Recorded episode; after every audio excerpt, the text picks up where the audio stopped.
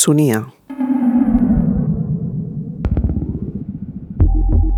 La obra de Carol Rama no pudo ser vista en su tiempo. No contaba con un marco que lo hiciera posible. La censura la relegó a los márgenes del amateurismo y lo obsceno.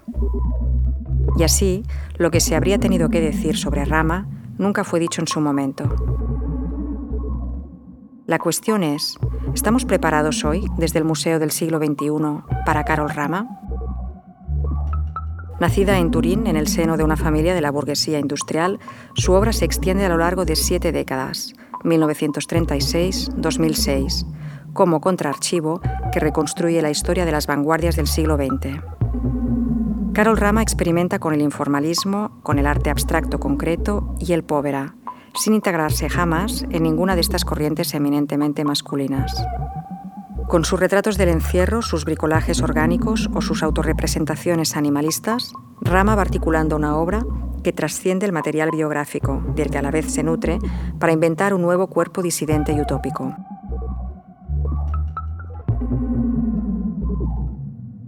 Sunia habla con Beatriz Preciado, cocomisaria junto con Teresa Grandas de la exposición La Pasión según Carol Rama. Beatriz Preciado nos ofrece un recorrido ensayístico por la trayectoria del artista y desgrana los sucesivos procesos de invisibilización a los que ésta ha sido sometida, hasta convertirse en nuestra más absoluta extemporánea. La pregunta que está siempre en el centro de toda exposición, en el caso de Carol Rama, era ardiente y paradigmática. ¿no? Era cuáles son las condiciones en las que esta obra se puede hacer visible. Digamos que la exposición es como un dispositivo que permite hacer visible una obra. En este caso, la cuestión de la exposición era, crucial, ¿no? Era cómo hacer visible la obra de Carol Rama hoy. En parte, cómo no volver a invisibilizarla, ¿no? Y si realmente estábamos preparados para que esa obra fuera hoy nuestra contemporánea.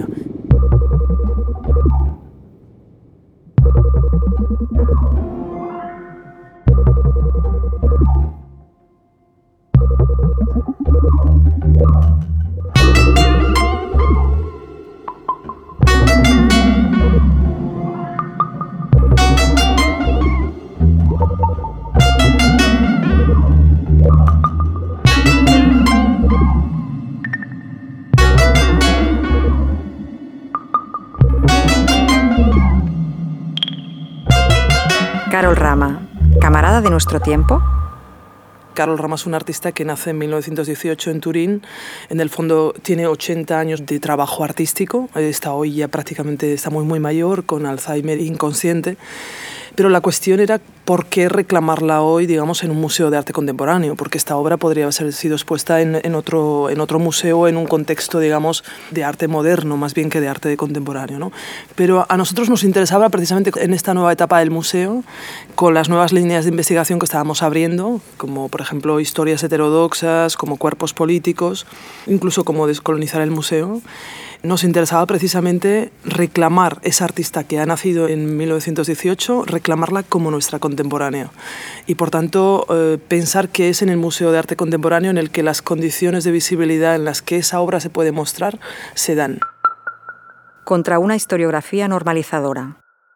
Carol Rama es un artista que bueno, nace en la sociedad de, Turín, que es una sociedad tremendamente conservadora, que es uno de los focos de la producción industrial automovilística europea, casi como si fuera de alguna manera el equivalente del Chicago americano, podríamos decir que es el Turín de los años 20-30 europeo. Y en parte su, su, padre realmente pertenece a esa, a esa afiliación, a esa línea de industriales de Turín. Curioso es que escribiéndose en esta familia de la alta burguesía turinesa no tiene una formación artística previa y además, bueno, pues eh, biográficamente se va a ver sometida a un conjunto de, de, accidentes curiosos, ¿no? El primero es la enfermedad mental de, de, su madre, en principio. Todo esto hay que decir que en el caso de la biografía de, de Carol Rama, y creo que esto es muy interesante también como, como elemento crítico y también para pensar cómo hacemos una exposición o cómo escribimos sobre un artista. ¿no? En el caso de Carol Rama, la biografía no puede ser tomada simplemente como una evidencia historiográfica. ¿no? Es decir, bueno, eh, no tuvo formación artística, con lo cual es un artista outsider. Estuvo en un psiquiátrico, por lo tanto, es un, hay que pensar su obra como arte de los locos. Eh, no se casó, eh, tuvo relaciones lesbianas, con lo cual habrá que pensarla como un artista homosexual. Yo creo que precisamente uno de los retos con este trabajo era sacarla de ese conjunto de inscripciones historiográficas identitarias y, pensar su obra precisamente como una resistencia a todo un conjunto de, de técnicas de normalización. Acuarelas, las representaciones del encierro por volver a su biografía, en este caso no como evidencia, sino como un conjunto de ficciones que van a hacer que, que, su obra sea invisibilizada a veces o hecha visible en condiciones de estigmatización, podríamos decir. ¿no? Cuando ella es muy joven, a los 18 años, su madre aparentemente entra en un psiquiátrico y ella la acompaña en ese trayecto. ¿no? Y realmente las, las acuarelas de su primera época están hechas como un diario del encierro psiquiátrico. Son un diario personal. Además, tenemos que pensar que los elementos matéricos ¿no? son tremendamente frágiles. Ella no tiene acceso a, a, grandes materiales, tiene solamente hojas de papel y acuarelas, ¿no? agua finalmente y unos pigmentos. Y es en ese, en ese contexto, prácticamente entre 1936 y 1944, cuando ella hace las acuarelas que creo que hoy se pueden considerar casi como obras clásicas, ¿no? que podrían ser puestas en el mismo nivel que la obra de Artaud o que la obra de Louis Bourgeois de la misma época. Digamos que en ese momento está marcada por, por el ese encierro institucional de, de, su madre, pero también por el, el, suicidio de su padre unos pocos años después. También descubrimos cuando hicimos el trabajo de investigación sobre Carol Rama, que hay que pensarlo también, es interesante en términos, eh, digamos, epistemológicos o de metodología, ¿no?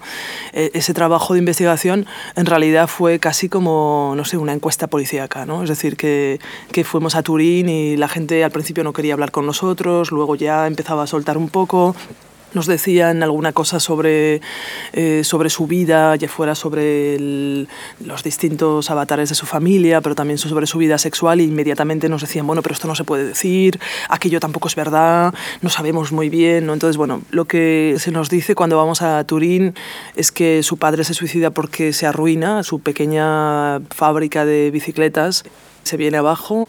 También se nos dice que en realidad su padre era homosexual y que no podía asumir esa homosexualidad en la sociedad turinesa de su tiempo y que se suicida. ¿no?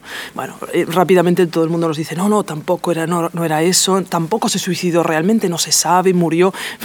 Bueno, las versiones son, son múltiples y contradictorias, ¿no? pero también eso habla un poco de precisamente la gestión de la palabra, la gestión de la producción de verdad, por decirlo en términos Foucauldianos, ¿no? en la sociedad turinesa de ese momento a la que, a la, que la propia Carol Rama se ve sometida también, es decir, la, obra aparece o desaparece precisamente en esas condiciones de producción de verdad tan específicas de esa sociedad con unas normas de género sexuales tremenda.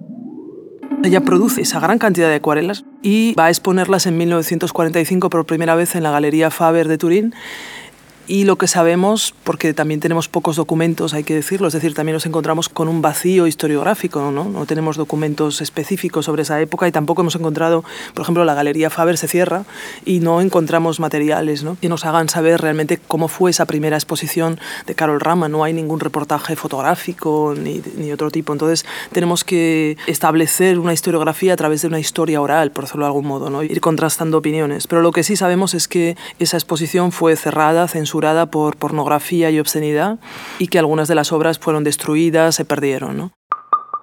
Pornografiar, eclipsar.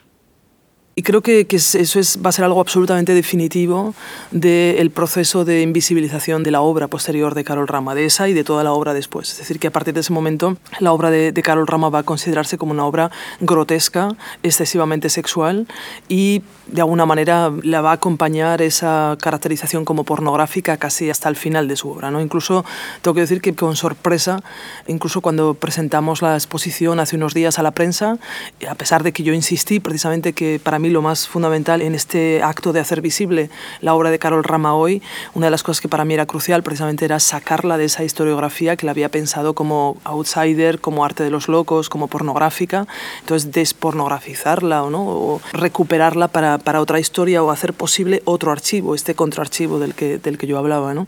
Bueno, pues eso no, no hizo ningún efecto en la prensa, que al día siguiente ya habían salido todos los artículos diciendo evidentemente que en la exposición había únicamente penes, vaginas, eh, jeringas, que la exposición era una exposición sexual, pornográfica, etc. ¿no? Por tanto, evidentemente que no solamente se trata del contexto turinés de los años 1945, ¿no? o sea, del momento en el que la exposición se, se cierra, sino que, claro, nos enfrentamos con, con un paradigma discursivo y visual que hace que su obra no pueda ser pensada sino fuera de, de esa relación, digamos, de relación moral a la imagen. Desde mi punto de vista, cuando miramos esas acuarelas hoy, evidentemente esas acuarelas para mí no son en absoluto pornográficas. Es decir, yo creo que cuando la gente habla de pornografía, primero casi no sabe ni lo que es la pornografía. Es decir, la pornografía es un dispositivo masturbatorio, visual masturbatorio. Es decir, es un lenguaje publicitario masturbatorio. ¿no? Y por eso para mí eh, no, se trata de pornografía, sino realmente de la afirmación de una anatomía política, de un cuerpo político que se hace visible en esas acuarelas y que además es un cuerpo que, digamos, por una parte está atado a las técnicas de normalización específicas del fascismo que el fascismo ha creado en Italia y que evidentemente defienden o promueven eh, modelos de feminidad y de masculinidad muy específicos, la masculinidad del soldado patriota viril, proveedor de la familia y por otra parte la feminidad maternal, esa feminidad de ese cuerpo femenino, ese útero pensado como espacio reproductor de la nación. ¿no? Dorinas y apasionatas, los retratos disidentes. En el caso de Carol Rama, casi lo más específico es la invención de un cuerpo utópico, podríamos llamarlo, ¿no? De nuevo con Foucault, con esta, esta expresión de, de Foucault, que es el cuerpo utópico, que en su caso ella llama dorinas y apasionatas. En parte son a veces casi como retratos familiares, en los que está incluido, por ejemplo, un retrato de su madre, pero un retrato de su madre defecando, es decir, que casi está en, en las antípodas de lo que sería el retrato pensado como instrumento de subjetivización de la burguesía, ¿no? es decir, ese retrato pensado a partir del facies, del rostro. En el caso de su madre, ella nos hace un retrato, pero que es un retrato de espaldas de su madre defecando. ¿no? que es evidentemente hoy una de las referencias que defienden artistas contemporáneas como Cindy Sherman o como Kiki Smith para hablar de su propia obra como una práctica justamente de retrato disidente ¿no? o de autorrepresentación disidente aparecen junto a esos retratos familiares, como una especie de galería de, de figuras familiares, evidentemente entre las que está, como digo, Marta, su madre, que aparece a veces representada en la cama de hospital, atada, casi como, podríamos decir en ese caso, las acuarelas de Carol Rama podrían entenderse como representaciones disidentes de la histeria, prácticamente. ¿no? De hecho, cuando veíamos la exposición con Didi Uberman, que vino a visitar la exposición hace poco, Didi Uberman decía, bueno, estas son las imágenes más bellas de la histeria que yo he visto nunca, ¿no? porque realmente por una vez el cuerpo histérico no es representado como una víctima del sistema, sino como un cuerpo que realmente resiste, ¿no? con esa especie de, de flores que salen en la cabeza, con la lengua erecta que aparece como un órgano sexual, pero también evidentemente como un órgano discursivo que está esperando poder decir lo que tiene que decir, y luego un cuerpo que a pesar de ser un cuerpo amputado y que por tanto podríamos pensar como un cuerpo pasivo o inmóvil, aparece como absolutamente vital y sexual, ¿no? como revelándose como no como objeto de deseo, sino como sujeto de, de una política deseante. Descubrir, invisibilizar, no se trata tanto de que ahora vayamos a descubrir a Carol Rama, ¿no? porque probablemente descubriendo a Carol Rama también lo que estamos haciendo es en parte invisibilizarla o ocultar otros aspectos de su obra o incluso eclipsar eh, a través de esa visibilización excesiva, ¿no? que es lo que sucede, por ejemplo, cuando entre comillas, podríamos decir, eh, Lea Vergine, la crítica italiana, en 1980 eh, hace una, una, exposición que se llama El otro lado de la vanguardia, en el que recoge 100 mujeres artistas. Y evidentemente ese aparece como el momento iniciático, como la recuperación historiográfica de Carol Rama, porque Lea Vergine incluye por primera vez a Carol Rama en esa, en esa selección de 100 artistas. Claro, el problema es que incluyéndola en esa selección, por una parte la clasifica como artista mujer, y tengo que decir que volviendo a mirar hoy el libro de el catálogo de la exposición de Lea Vergine es fascinante porque quiero decir, el 80% de las mujeres de las que habla Lea Vergine han quedado de nuevo, a decir 80, no, es que no querría quedarme corto, el 99 han quedado absolutamente olvidadas, ¿no? con lo cual, es decir, ese gesto de recuperación historiográfica, de cuidado, el otro lado de la vanguardia, bueno, eh, es decir, el otro lado de la vanguardia suponiendo que haya una vanguardia masculina y que el otro lado sea lo femenino. Lo que uno descubre leyendo el, catálogo de, de Lea Vergine y, y atendiendo a quiénes son las figuras que aparecen en ese catálogo es que no se trataba únicamente de mujeres, que se trataba de, podríamos decir, los márgenes de la normalidad política en todos los sentidos. Es decir, que a lo que aparecen ahí, evidentemente, son un conjunto de figuras a veces judías, a veces homosexuales, a veces caracterizadas como artistas outsider o arte de los locos, etc. Es decir, y por lo tanto, me interesaba más, en el caso de esta recuperación, por decirlo de algún modo, de Carol Rama, me interesaba más establecer una alianza de disidencias que yo llamo somatopolíticas, de disidencias a la normalización del cuerpo y de la subjetividad, que volverla otra vez a encasillar o a colocar, a identificar a través de estas nomenclaturas de Carol Rama, artista mujer, Carol Rama, artista outsider. Una conversación imposible con su tiempo. Pero en el caso de Carol Rama nos encontramos precisamente con una mujer que en ese sentido sí es un outsider, es decir, es un outsider porque no ha podido integrarse en ninguno de los movimientos de cada uno de los momentos por los que ha ido pasando. ¿no? Eso lo vemos muy claramente cuando, por ejemplo, tras la censura de 1945, una vez que ya ha sido marcada como, como pornográfica, lo que va a hacer es abandonar la figuración y a través de Gasorati entrar en el MAC, en el movimiento italiano de abstracto concreto. ¿no? Y vemos un momento que creo que es muy interesante también para pensar en, en los procesos de producción artística. Cuando uno vuelve a mirar la obra de Carol Rama, uno ve un esfuerzo desesperado por dialogar con los lenguajes de su tiempo y por ser escuchado. Entonces ese esfuerzo ya lo va a hacer precisamente eh, utilizando el lenguaje del Mac en los años 50. Va a ser un fracaso absoluto, evidentemente. Si solo hubiera sido por ese momento, Carol Rama no tendría hoy una exposición ni estaríamos hablando de ella. ¿no? Pero lo interesante de Carol Rama es que a pesar de, de esa imposibilidad de una conversación con su tiempo, a pesar de esa no contemporaneidad, constante que le persigue, ella de alguna manera resiste a través de una práctica insistente, obsesional. De alguna manera ella no deja de producir.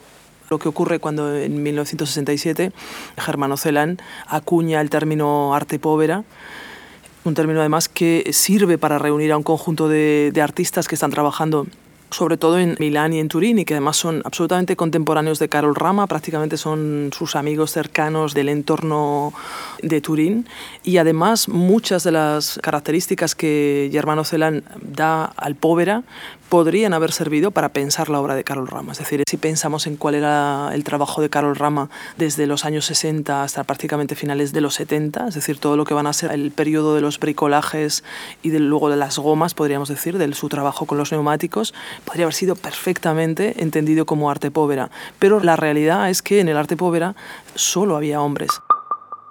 De la abstracción orgánica al queer povera de algún modo la, vibración del cuerpo carolramiano, por decirlo de algún modo, vuelve incluso en la, en la abstracción. Por eso hemos llamado a esa primera sala que podéis ver en la exposición abstracción orgánica, porque hay, hay casi como una, una vuelta, un retorno casi fantasmagórico del orgánico en la abstracción y contra la abstracción. Y a partir de prácticamente finales de los años 50, principios de los 60, va a empezar a hacer un conjunto de obras que su amigo y poeta del grupo de los italiano, que es Eduardo Sanguinetti, va a llamar bricolajes, es decir, utilizando una noción que es literaria en ese momento, que les sirve a ellos para ponerse en diálogo también con otras prácticas del catap o con las prácticas de fragmentación y de collage literario, en el que de alguna manera se mezclan o se hacen recombinaciones aleatorias con elementos que pueden venir de distintos registros lingüísticos, de distintos idiomas, desde las matemáticas hasta el lenguaje de la cultura popular.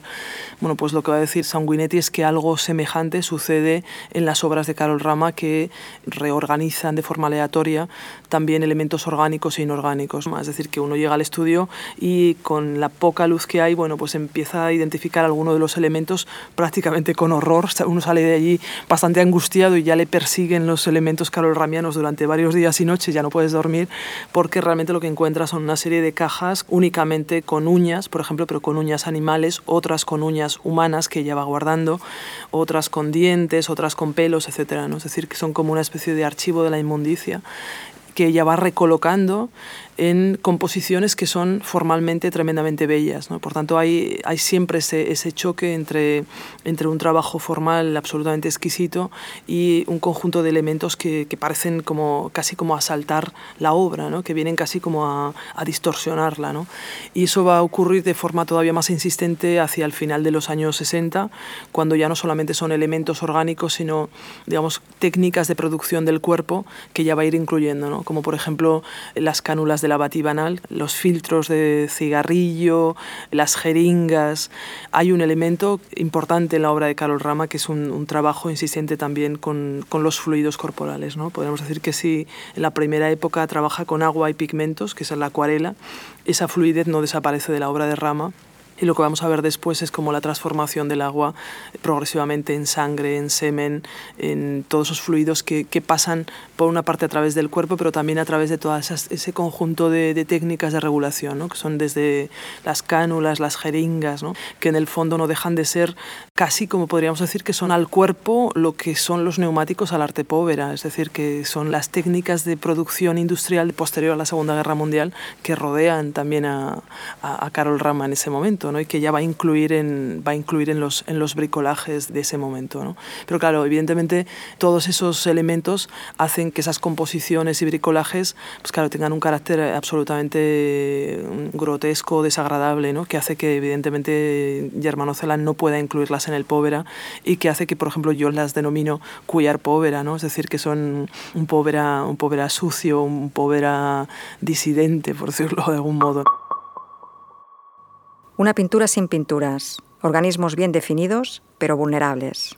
De ese trabajo con los bricolajes, lo que va a hacer Carol Rama progresivamente es volver a, la pintura, podríamos decir, pero volver a la pintura sin la pintura. Es decir, va a volver al, al trabajo de una plástica pictórica, pero sin los elementos cromáticos de la pintura, sino que va a reemplazar el pigmento por el caucho de las gomas de bicicleta que ya tiene todavía en su casa, porque podemos decir además que esta dimensión en Carol Rama de un coleccionismo sistemático, ¿no? Es decir, ahí hay realmente eh, hay casi como una precisión del coleccionismo y casi uno puede trazar como todos los momentos históricos de su obra precisamente a través de qué se colecciona, cuándo y cómo y se acabará encontrando en uno de sus cuadros o en una de sus telas. ¿no? Entonces lo que va a hacer Carol Rama en este periodo de los años 60-70 es utilizar las, las gomas de caucho, trabajar el caucho como realmente como un taxidermista opera en una piel, ¿no? entonces corta el caucho, lo transforma en una superficie bidimensional y utiliza el caucho como si fuera un trazo de pintura, como un pigmento. Y va a hacer todo un conjunto de obras abstractas que nosotros hemos situado en una de las salas del museo y que hemos llamado con uno de los nombres que ya da una de sus obras, que es eh, Organismos bien definidos pero vulnerables. ¿no?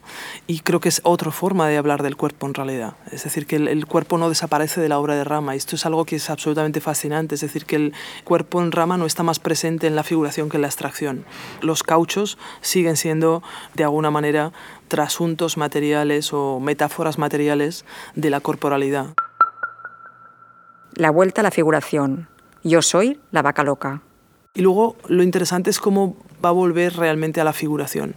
Y va a volver a la figuración de nuevo a través de un ejercicio de intento de convertirse de nuevo en una contemporánea de su historiografía, pero de nuevo con poco éxito hay que decir, porque cuando en 1980 Lea Vergine la recupera para el otro lado de la vanguardia, para esa exposición y ese catálogo, es precisamente el momento, en 1980, en el que ella hace una gran, un gran óleo que se llama la machilería, la carnicería, y que indica su retorno realmente a la figuración. ¿no? Y es, un óleo absolutamente magnífico, es el retrato de una carnicera que a medida que nos aproximamos vemos que es en realidad una carnicera porcina, es decir, que ella misma es una cerda y que está cortando cuerpos animales y devorándolos. ¿no?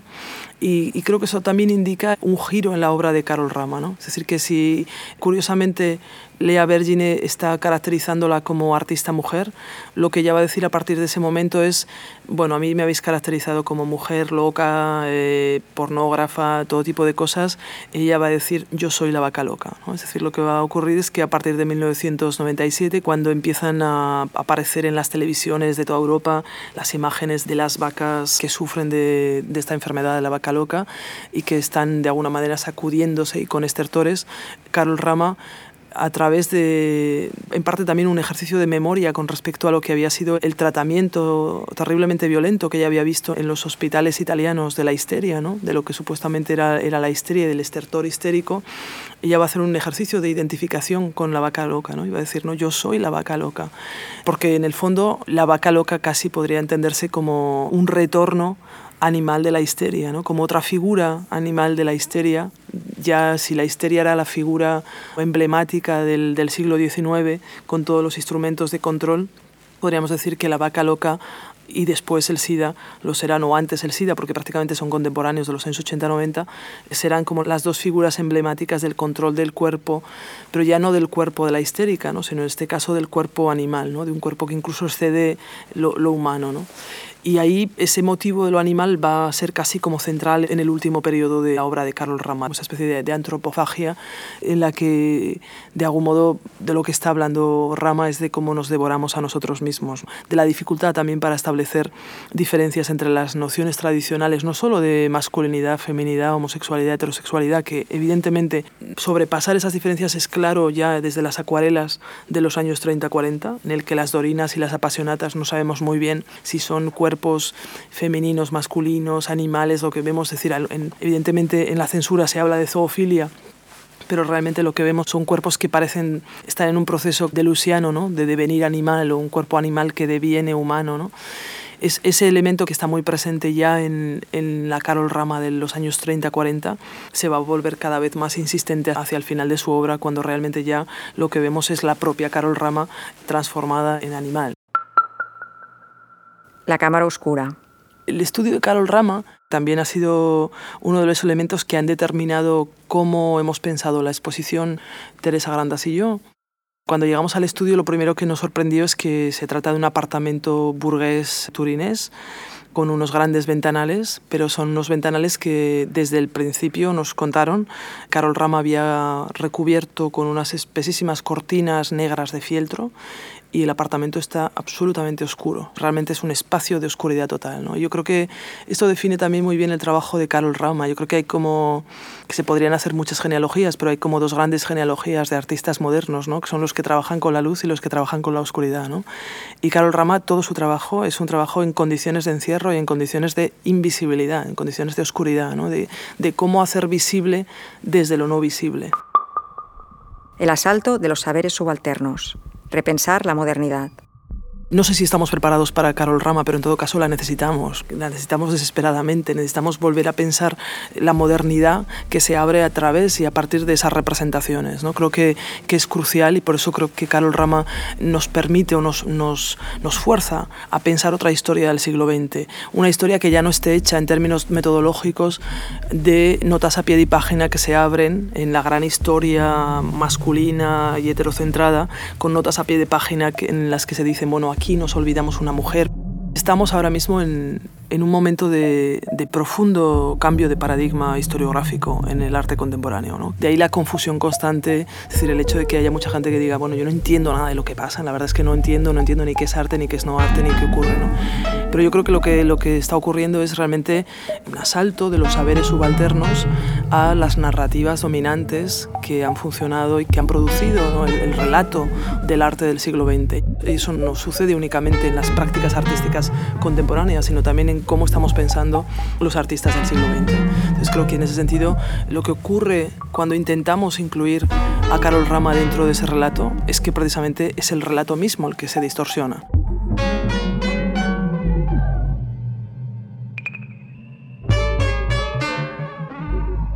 macba.cat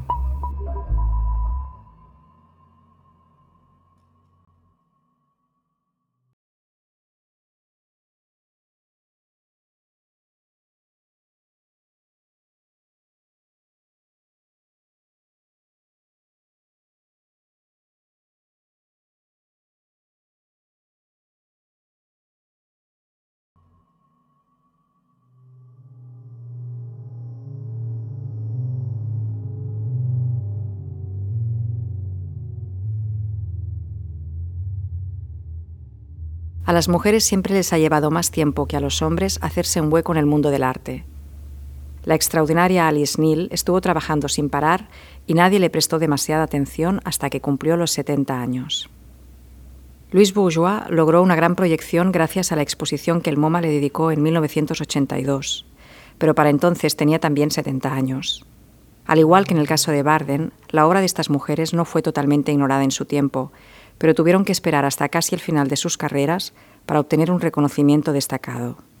La pintora Joan Mitchell fue conocida y admirada durante toda su vida, pero no fue hasta después de su muerte cuando su puesto dentro de la segunda generación de expresionistas abstractos cobró una verdadera dimensión.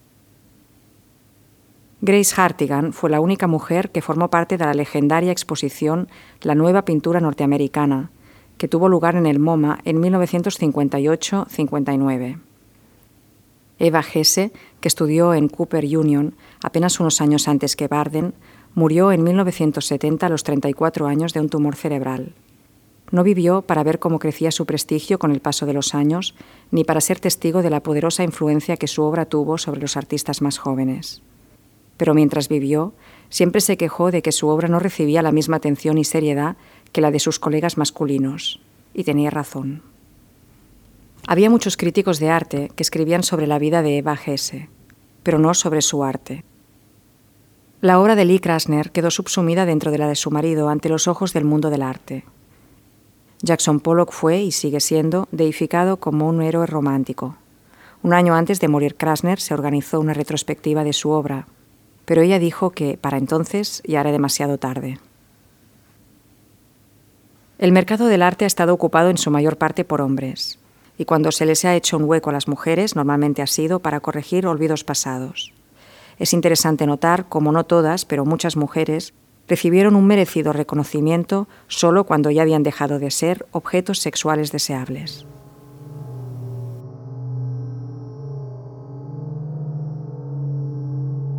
Aunque el número de mujeres artistas se ha disparado, no es ningún secreto que las galerías neoyorquinas exponen bastantes menos obras de mujeres que de hombres. En Nueva York, las cifras rondan al 20% del número total de exposiciones, y eso que casi la mitad de las galerías de arte están dirigidas por mujeres. Tampoco mejora el panorama en los museos de arte contemporáneo ni en las revistas especializadas en el tema. Toda mujer artista se enfrenta a la insidiosa propagación de un statu quo masculino. Casi sin excepción, el arte realizado por hombres es mucho más caro que el realizado por mujeres. Los dólares lo dicen todo. Tras renunciar a una vida pública como artista, Barden decidió experimentar con la percepción de su obra recurriendo a personajes masculinos. El resultado fue sorprendente. Cuando la presentó como la obra de un hombre, contó de inmediato con un público entusiasta. Sin embargo, hay que tener cuidado al sacar conclusiones. En el mundo del arte las tendencias cambian continuamente. Un día está de moda lo crudo y al día siguiente lo cocido y hay un constante apetito por lo joven, el adolescente de moda o el bocado más tierno del menú. ¿Una jovencita le hubiera servido igual de bien a Barden? Probablemente no, pero la historia no puede reducirse a una parábola feminista, a pesar de que es obvio que la discriminación del género jugó un papel determinante en la percepción de la obra de Barden. Sin embargo, cada una de sus máscaras parecía encubrir un aspecto diferente de su imaginación y no sería injusto decir que la trayectoria de su experimentación artística derivó hacia una ambigüedad cada vez mayor y casi siniestra. Siri Husbet, El mundo deslumbrante.